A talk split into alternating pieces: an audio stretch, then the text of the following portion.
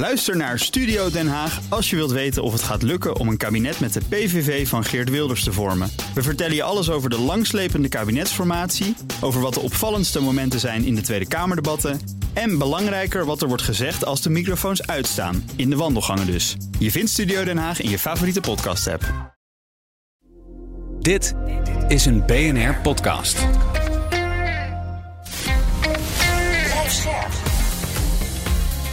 BNR Nieuwsradio. De wereld.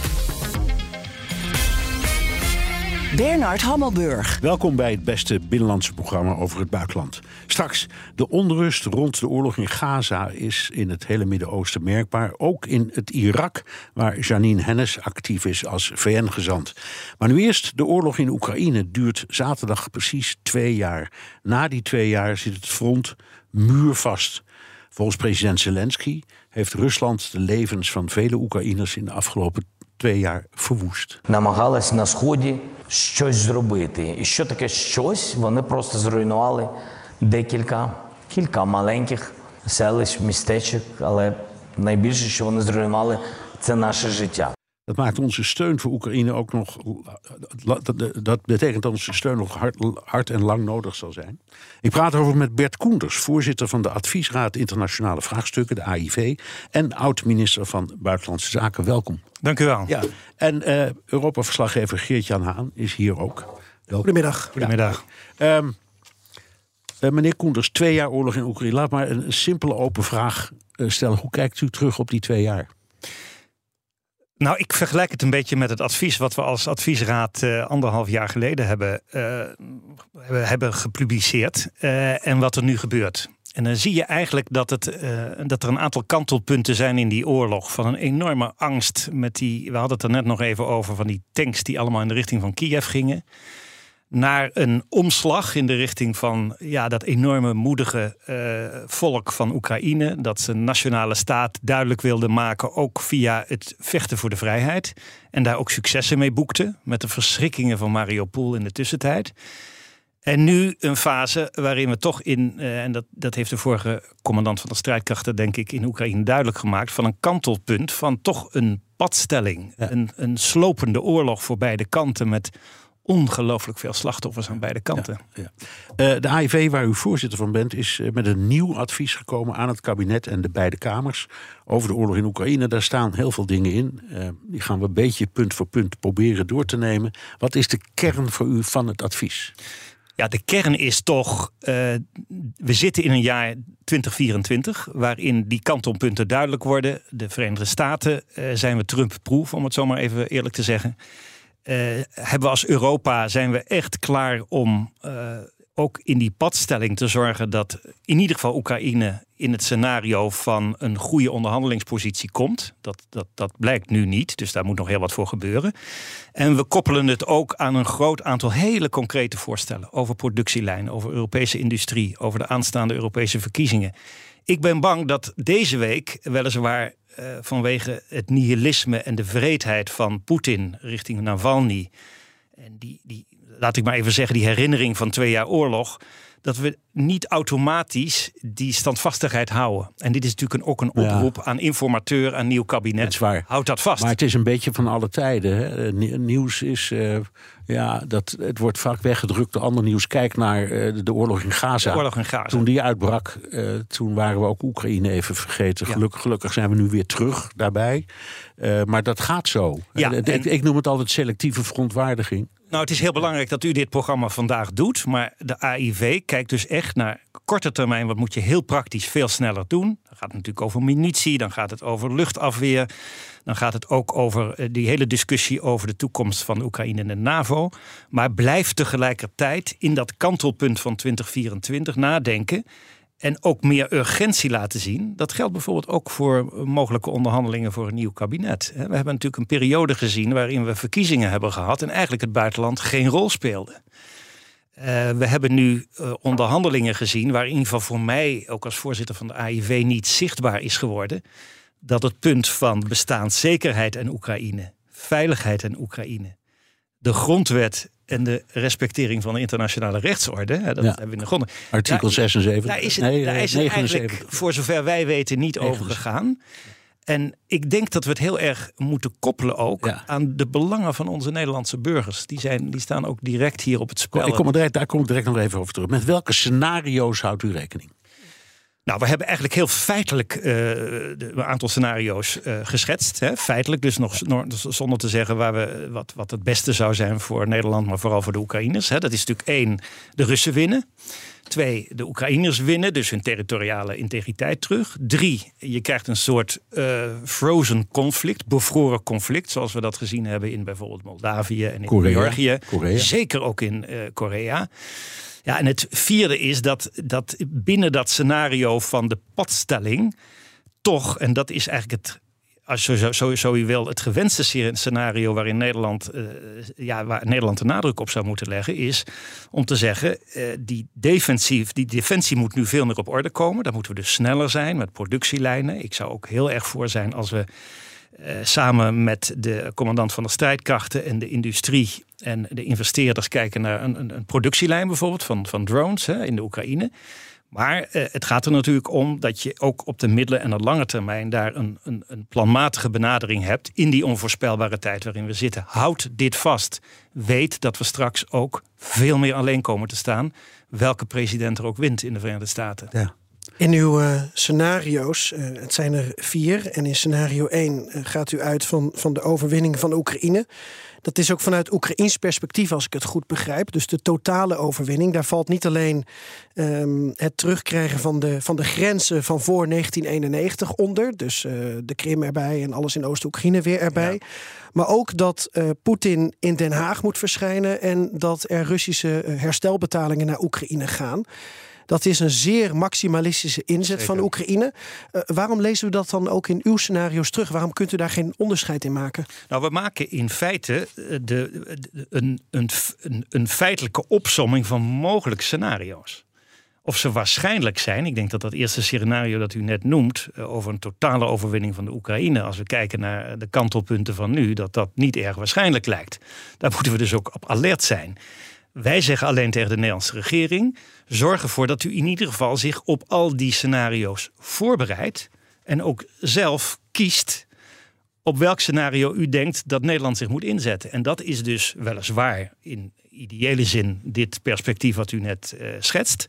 Maar in feite zal dat worden een sterke onderhandelingspositie, veel sterker dan nu het geval is. Zodat Oekraïne ook kan onderhandelen om zijn territoriale integriteit eh, eh, hopelijk voor een groot gedeelte misschien wel helemaal terug te krijgen. En ook om weer te kijken naar een toekomstige Europese eh, veiligheidsorde. Want dat blijft natuurlijk voor jaren een enorm probleem. Daarom is dit ook een appel aan de Nederlandse regering, aan de informateur, aan de nieuwe Nederlandse regering. Wees standvastig. Het is onvoorspelbaar. Maar hier staat ook voor ons heel veel op het spel. En ik kan me voorstellen dat je ehm, als Nederland eh, wel inderdaad eh, vindt dat Oekraïne eh, ja, alles weer terugkrijgt aan, aan gebied dat, dat, dat van hen is. Wat we met elkaar binnen het internationale recht ook hebben afgesproken. En de, en de regels van soevereiniteit. Alleen moet Nederland ook vinden, of is het een advies dat u kan geven, dat, dat, dat Nederland moet inzetten op het verschijnen van Poetin voor het tribunaal in Den Haag? Of werkt dat niet zo? Nou, zo werkt het niet. Maar ik vind wel dat dat op zich eh, een gewenste uitkomst zou zijn. Is die waarschijnlijk op dit moment helemaal niet? We moeten nu juist kijken in hoeverre de Oekraïne in een padstelling waarin zij het op het ogenblik zeer moeilijk hebben. We hebben net het opgeven van Avdivka gezien. Eh, mensenlevens zijn daar eh, grootschalig overigens aan beide kanten, maar zeker ook aan Oekraïnse zijde verloren. Dus ja, first things first zou ik willen zeggen. En die scenario's zijn natuurlijk ook een kader waar langs je je eigen doelstellingen eh, eigenlijk formuleert. En nogmaals, dat zijn feitelijke scenario's. Die kun je theoretisch benoemen. Maar je moet daar binnen, denk ik, en ik heb dat net geschetst, eigenlijk kijken waar de Nederlandse regering samen uiteraard met NAVO en Europese partners zich voor in zou moeten zetten. Overigens is het best bijzonder dat, dat wij met z'n drie hier dit gesprek hebben. Want de laatste keer dat meneer Koenders en ik elkaar zagen... was aan een talkshowtafel bij RTL, ik denk op 25 februari... Ja. toen de tanks op Kiev afgingen. En nu hebben we allemaal reconstructies en lezen we hoe generaal Zaluzny een, een, een, een truc had... waarmee hij die tanks in de val wist te lokken. Maar toen dachten we, dit is binnen tien dagen inderdaad voorbij. En dan zouden we eigenlijk dit gesprek niet hebben... over de scenario's die er nog zouden kunnen liggen. Ja, en ik denk dat de AIV juist om die reden die scenario's is gaan schetsen. Omdat eh, dat lijkt tegenstrijdig, maar omdat natuurlijk de wereld en ook Oekraïne onvoorspelbaar is. En daar moet je die verschillende scenario's wel voorleggen en niet doen aan wishful thinking. Maar daarbinnen kijken, waar zet nou eigenlijk Nederland zich, ook een nieuwe regering hopen, hopen wij, zich langdurig voor in. En dat zal met tegenslagen zijn, dat zal met vertragingen zijn, met onverwachte ontwikkelingen. Ja.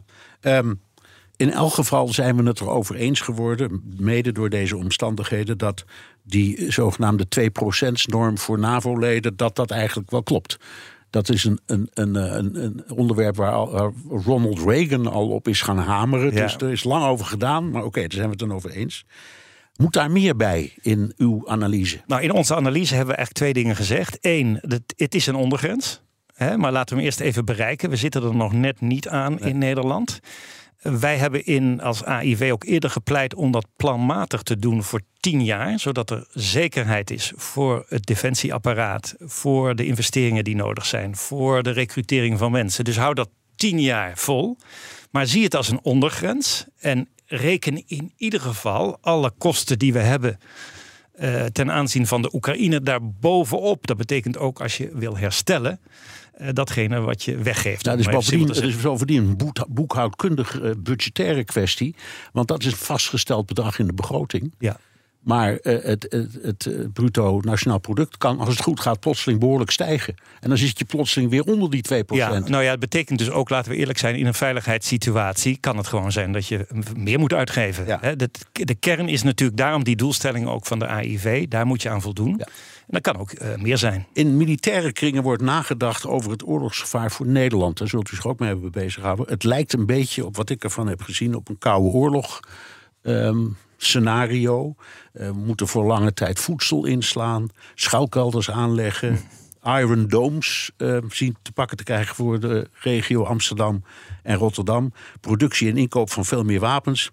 Zijn dat thema's, met andere woorden, de, de, de dreiging voor Nederland zelf, zijn dat thema's waar het AIV zich ook mee heeft bezig gehouden? Ja, zeker. En ik denk dat we daar even de goede taal voor moeten vinden. Ja. Ten eerste, alarmisme helpt niet. De Russen staan niet morgen in Amsterdam. Twee, we kennen Poetin nu. Die gaat wel op allerlei manieren proberen ook de Europese Unie en de NAVO te tarten. Drie, hij heeft nog niet heel veel succes in de Oekraïne, maar hij is een zeer risicovolle factor voor Nederland en voor onze burgers. En dan kom ik eigenlijk meer specifiek op uw punt. Ons aspect in dit advies is weerbaarheid. Weerbaarheid is niet hetzelfde als in de Koude Oorlog. Betekent bescherming infrastructuur. Ik zou vooral zeggen op het terrein van desinformatie. Iedereen praat erover.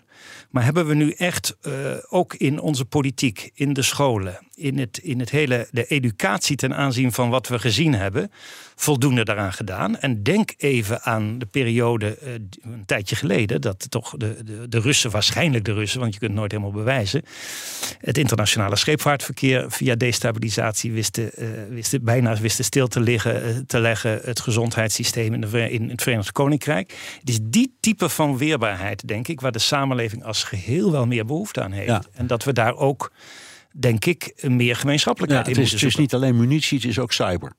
Het is zeker ook cyber. Het is een, we komen binnenkort met een advies over hybride oorlogvoering. Dat is een beetje een modieuze term, maar dat gaat over dit soort dingen.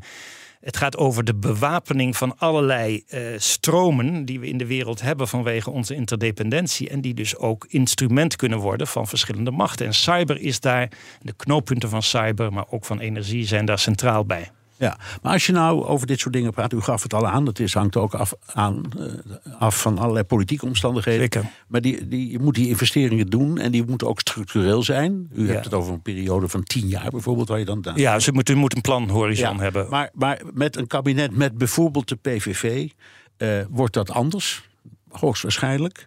Ehm, kan er dan ook, als dat gebeurt, hè, dus een kabinet komt dat hier niet zo voor staat te trappen, laat het zo zeggen. Of niet naar u luistert, laten we het zo zeggen. Kan het geld dan ook uit de private sector komen? En ik vraag het omdat die discussie weer is opgerakeld over de investeringen in aandelen van pensioenfondsen. Ja, ja. Eh, Die, die, eh, die de, de, de oorlogsindustrie al die tijd hebben vermeden. En waarvan sommige mensen zeggen, dat moet je niet doen. Daar moet je juist nu in gaan zitten. Dit is het algemeen belang. En bovendien, je kunt er nog een paar centen mee verdienen ook. Zo is het, ja. Wij zeggen er ook wat over in het advies. Nog even los van het eerste gedeelte van uw vraag over een nieuwe regering. Maar het is zo dat ik denk dat net zoals klimaat, veiligheid een publiek doel is.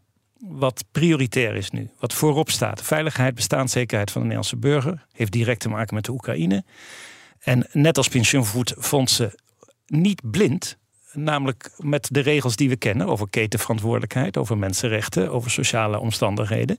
Maar het zou geen taboe moeten zijn om dus ook in deze sector, die zo belangrijk is voor al die andere dingen, om daar ook in te investeren. Dat zou je samen moeten doen, denk ik, met, met overheid en met bijvoorbeeld prioritaire zaken die we nu zien. Ik had het net over productielijnen in eh, de Oekraïne. Je moet wel uh, een zekere mate van transparantie daarin aanbrengen. Dat is niet altijd makkelijk. Maar ik zie bijvoorbeeld ook uh, in Europa de discussie over de Europese investeringsbank. Daar hebben we het ook over in het advies. Je kan natuurlijk ook maatschappelijk met elkaar denken. Als dit een prioriteit is voor ons, voor ons bestaan dan moet je ook gezamenlijk erover praten hoe je daar het beste in kan investeren. Laat dat geen taboe zijn. En dan kun je best kijken ook naar die sociale en maatschappelijke voorwaarden die daarbij horen. Maar een taboe is echt fout. We hebben dat geld nodig. Ja, een soort privaat-publiek uh, constructie zou ook helpen. Natuurlijk. Ja. Hè? Dus dat je echt, je kunt ook heel concrete doen met investeren. Kijk, een kabinet kan ook met investeerders en met bepaalde productielijnen die nu urgent zijn voor de Oekraïne. Je kunt daar ook overleggen. Wat, wat zijn dan de voorwaarden daaronder? Ja. Maar taboe denk ik dat dat niet verstandig is. Nee bij steun voor Oekraïne hoort ook wederopbouw. Zeker. Hoe zorg je ervoor dat het geld op de juiste plekken komt als je eraan begint? Want Oekraïne, nou ja, ik zal maar zeggen, e- tot één dag voor die oorlog was in de meeste ogen van Westerlingen één grote corrupte bende waar je eigenlijk een beetje voorzichtig, voorzichtig mee moest zijn. En vanaf een dag later waren het helden. En dat zijn ze nog. Ja. Maar toch. De, zeker. De problemen zijn niet opgeheven door die oorlog. Nee, zeker niet. Het zelfs, eh, er zijn altijd ook meer risico's in een oorlogseconomie. We laten in ons advies ook laten zien dat het draagvlak ook onder de Nederlandse bevolking alleen maar in stand kan blijven als je daar ook de nadruk op legt. De, de, realiteit is natuurlijk dat sinds, ik weet dat ook nog als minister van Buitenlandse Zaken, we hebben allerlei twinningprojecten, allerlei projecten ook over anticorruptie gehad met de Oekraïne vanaf 2015. En er is ook een daadwerkelijke verbetering van de situatie. Maar dat is lang niet voldoende. En daarom denk ik dat het belangrijk is dat in al onze projecten van wederopbouw uh, dit centraal staat. En dat gaat over twinning, dat gaat over de manier waarop we budget support, hè, dus de steun aan, aan de begroting van Oekraïne, zodat ze gewoon hun diensten in stand kunnen houden. Dat blijft ja. belangrijk. Even een vraag aan Geert-Jan, want die kent het land als geen ander. Zo. We zeggen in afval in ons Nou, niet alle envelopjes die ik onderhands nee, heb gegeven nee, voor interviews. Nee, nee, maar um, hoe staat het ermee met de bestrijding van de corruptie? Gaat, dat inderdaad, wordt, gaat het inderdaad beter? Het gaat stapjes vooruit. En de indexen die vaak gevolgd worden, die gaan over de perceptie van corruptie. Dus dan zie je dat er uh, de perceptie in de Oekraïne is dat het beter gaat en dat men minder in aanraking komt met corruptie. Gaat daar ook hand in hand met digitalisering om dus die envelopjes uit te, te faceren. Ja. Maar het is er nog wel. En natuurlijk, er is allerlei uh, Europese wet en regelgeving. Oekraïne uh, past dat toe op de ministeries, zodat ze richting de EU kunnen groeien. Ook als je kijkt naar acquis. Ja. Maar dat is natuurlijk niet van de een op de andere dag uh, geregeld. Nee. Dit is BNR De Wereld. Mijn gast is Bert Koenders, voorzitter van de Adviesraad Internationale Vraagstukken en oud-minister van Buitenlandse Zaken. En ook bij ons Geert-Jan Haan. Laat ik nog even terugkomen op uh, een eventueel nieuw kabinet. Ik denk dat, dat mijn partij in ieder geval niet een enige regering zou steunen waarin niet de hulp aan Oekraïne militair en anderszins voorop staat. Ja, was minister van Leeuwen. De steun voor Oekraïne in ons land is nog relatief groot. Toch waarschuwt u voor teruglopende lo lopende steun. Hoe kun je hem vasthouden? Nou, dat vereist dus politiek leiderschap, uh, ten eerste. Hè. Vandaar dat deze opmerking, ik, ik, geloof dat dit van minister Van Leeuwen essentieel is. Ja. Hè. Het geldt overigens niet alleen voor militaire steun. Hè. Hij vertegenwoordigt geloof ik ook een partij die, als het gaat om de internationale samenwerking, dat juist heel erg wil inperken. Maar het gaat ook over die wederopbouw. Uh, het, het, is van belang om dat uit te dragen. Het niet alleen nog beter uit te leggen, maar vooral ook, dat probeerde ik net al te zeggen, datgene wat de Nederlandse burger van belang vindt: bestaanszekerheid veiligheid, uh, respect voor onze grondwet, dat die alle drie zo nauwkeurig verbonden zijn met de Oekraïne. En dat het dus niet zomaar weer. Ik heb dat op een gegeven moment gezien toen ik in Duitsland was. Een paar maanden na de Zeitenwende was eigenlijk een discussie daar. Gelukkig is dat nu weer wat beter. Maar er was de discussie van ja, we hebben een heel groot aantal onderwerpen. En daar, de Zeitenwende is ook een punt. Dus daar moeten we ook nog over praten. Ja, ja, er stond op het lijstje, maar het was geen ja, hoofdzaak. En dat komt weer terug. Je ziet dat is dat veranderd toen uh, Scholz zei: we gaan voor die 100 miljard? Nou, ik denk wel dat of- dat of dat dat het toen nog steeds op nou, die, die, die eerste die eerste Zeitenwende, toen kwam hij met Ja. een grote speech in de Bundestag, vond ik ongelooflijk belangrijk, want Duitsland is het grootste land, moet leiderschap hebben. Eh, Je ziet nu dat die steun volgens mij daar voorlopig althans, we weten ook niet, dat is ook een AFD die groot is, die heel anders denkt over de Oekraïne, die ook Poetin vrienden zijn, om het zo maar over te zeggen, misschien nog wel scherper dan in sommige groeperingen in andere landen.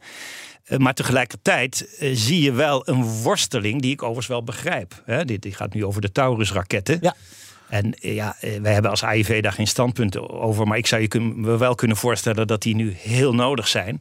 Maar goed, zij hebben een, een afweging. Eh, wij willen ervoor zorgen dat we niet in oorlog met Rusland komen. En dan krijg je die discussie: zijn we niet steeds een klein beetje te laat met datgene wat nodig is? Precies. Ik bedenk me ineens, toen u minister van Buitenlandse Zaken was, toen, toen heeft u wel eens een pleidooi gehouden voor een eh, ja, Russisch, eh, pro-Russisch journalistieke platform.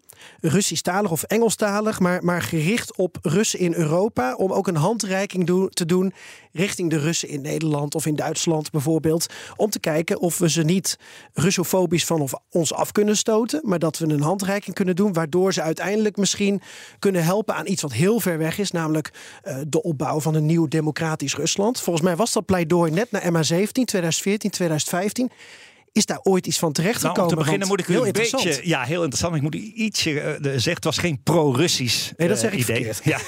Ja. In- in- dat was het zeker niet. Russisch taal. Eh, ik had net te maken gehad met minister Lavrov... die eigenlijk de ene na de andere leugen vertelde over de MH17.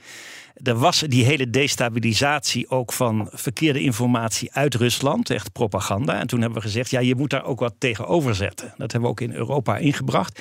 En ik vind nog steeds wel dat, eh, dat we steeds een verschil moeten maken... tussen veel lagen van de bevolking in Rusland en de regering.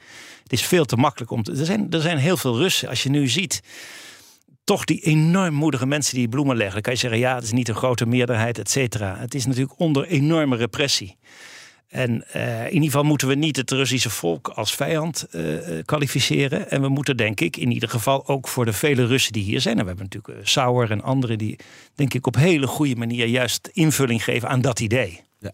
Uh, even, we zijn bijna door de tijd, maar een paar dingetjes. Er wordt in het rapport ook gesproken over een Europese Veiligheidsraad. Ja. Wat is dat? Is dat gewoon de NAVO minus Amerika? En, en, en, en trouwens Canada, dat arme Canada, dat vergeten we steeds. Nou ja, Canada vergeet ja. ik zeker niet. En nee. alle landen zijn van belang. En wat wij eigenlijk zeggen is... Uh, beste mensen in Europa, we praten al twintig jaar over Europese versterking van de Europese veiligheid. We weten dat we afhankelijk zijn van de Amerikanen. Uh, we weten ook dat we daar minder op kunnen rekenen in de toekomst. Uh, misschien al sneller dan we denken. Dus zorg nu dat je eerst investeert in een Europese pijler van de NAVO. Uh, daar hebben we ideeën over, over hoe dat gefinancierd kan worden, de commandostructuur. En zorg dat je veel sneller en beter een spelverdeler hebt. Want we moeten nu altijd wachten op raden. Hè, dat gaat nu de laatste tijd redelijk goed. Hè. We hebben Hongarije wel gehad, maar niettemin dat is dan rondgekomen.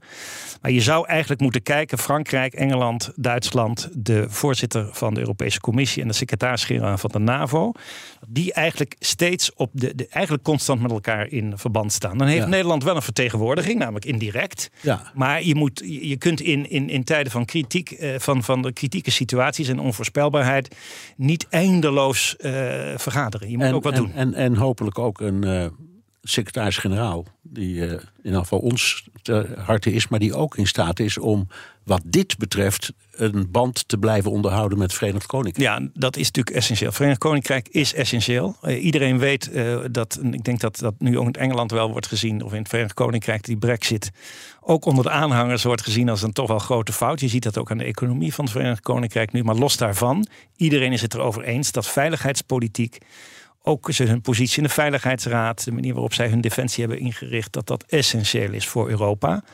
Uh, en ja, de nieuwe secretaris-generaal van de NAVO, die zal daar ongetwijfeld ook rekening mee ja. houden. Ja, ga je gang. Meneer Koenders, toch even over die, die Europese veiligheid. Het, het, het rommelt ook in uh, Moldavië. Uh, Transnistrische uh, politici, afgevaardigden, die, die komen volgende week waarschijnlijk bijeen. En die zoeken ook contact met Rusland om te kijken van ja, kunnen we daar een, een, een soort van annexatie van maken. Het is natuurlijk een heel schimmig gebied daar. Laat ik het algemeen vragen. Kunnen we in Europa nog een oorlog aan? Nou, we, we, ik denk dat het een deel is van één oorlog. Eén oorlog van, eh, vooral van Russische kant, om eh, ja, toch weer die de neo-imperiaal, zal ik maar zeggen, bijna een koloniale oorlog te voeren. Ze hebben dat eerder geprobeerd met Moldavië, zoals u weet, via eh, de Odessa en hopen dat die zuidelijke kant. eh, dat, Ma- dat ze mannen, dus- ik krijg een vreselijke visie. Want dit klinkt heel erg Eerste Wereldoorlog. En dat past dan ook helemaal in het beeld van loopgraven... die we ook sinds de Eerste Wereldoorlog niet meer hebben Maar gehad. meneer Koenens zei net dat we niet alarmistisch moesten Nee, zijn. nee. nou, wel, ik bedoel, niet alarmistisch niet. We moeten, we moeten realistisch zijn. En dat betekent dat we veel meer moeten doen dan nu. Dus laat daar geen misverstand over bestaan. Ik vind wel de. de het grote probleem met, met de geschiedenis altijd, zoals zo, zo karakteristiek wordt gezegd, die herhaalt zich niet, maar hij rijmt wel. Eh, en je ziet dus die destabilisatie in, eh, dat hebben we gezien in, ik ben recentelijk nog geweest in Bosnië, daar zie je dat precies hetzelfde. Ja. Dus Dodik daar, die probeert eh, via de, zijn Russische invloed de zaak te destabiliseren. Moldavië moet een prioriteit zijn. In het AIV-rapport maken we specifiek ook een, wijzen we op de noodzaak van die EU-uitbreiding om die vrij snel, maar wel op een intelligente manier vorm te geven. Daar hoort Moldavië bij. Ja. Ik heb één hele korte slotvraag, want we zijn door de tijd heen. Moeten we concluderen dat dat hele advies van het AIV eigenlijk draait om twee namen: Vladimir Poetin en Donald Trump? Moeilijke vraag. Ik heb was natuurlijk maar bijna ja. Het was. Ja, maar dit, de enige conclusie daarvan is: Europa, let op uw zaak. Ja, ja maar goed. Het, het- het alles, de, de angst voor Amerika dat ons ontvalt, zit door alles heen in dat rapport. Ja, en dat, ik ben zelf, nou, eh, Bernard Hammelburg, als ik het zo mag zeggen, we kennen elkaar al langer. Ik ben heel lang in de Verenigde Staten, heb ik ook gewoond. Ja. Ik maak me daar grote zorgen over. Ik denk We dat dat ook niet dezelfde, in weggaat. dezelfde straat ongeveer. Ja. Eh, en die, die, dat hangt ook niet alleen van Trump af. En ik vind sowieso dat het een verantwoordelijkheid is voor Europa. Ik Om bedoel, eh, de, de- wat die defensieuitgave is, daar, daar had hij nog niet zo'n ongelijk in. Alleen ja, dat hij daar een soort eh, politiek van maffia van maakte en een financiële transactiebusiness is wat anders. Maar er is wel een zorg. Zorg ervoor. Denk nou niet dat dat wel overgaat. Nee. Eh, en daar is 2024 wat ons betreft echt een kanteljaar. Dank Bert Koenders, voorzitter van de Adviesraad Internationale Vraagstukken, de AIV, en oud-minister van Buitenlandse Zaken. En ook dank aan Europa-verslaggever Geert-Jan Haan.